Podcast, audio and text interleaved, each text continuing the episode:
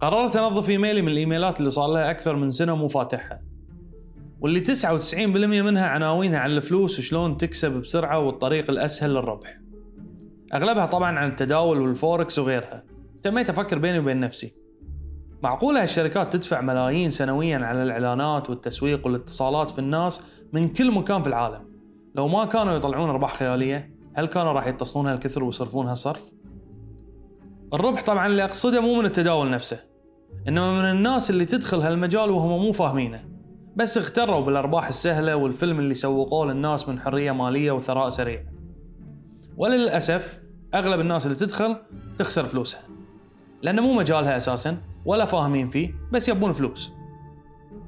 المشكلة مو بس في التداول والفوركس، فعلى مر التاريخ تطلع شركات وأشخاص يسوقون مفاهيم للربح السريع تنتهي بسرقة فلوس الناس والناس ما تتعلم وفي منهم يستحي وما يبي يقول إنه هو كان مغفل وهالشركات نصبوا عليه. هل معناها إن كل اللي يدخلون هالمجال يخسرون؟ أكيد لا، ولا الناس كان ما انغرت. بس نسبة الناس اللي تربح لا تذكر مقارنة باللي يخسرون. على عكس طريق ريادة الأعمال والتجارة التقليدية اللي أغلب الناجحين فيها دائما يذكرون أن الفشل كان جزء من نجاحهم وأنهم لو ما مروا بتجارب فاشلة كان ما وصلوا للي وصلوا له. والظاهر الناس ما يعجبها الكلام فتشرد عنه وتلجأ للي بيعها وهم.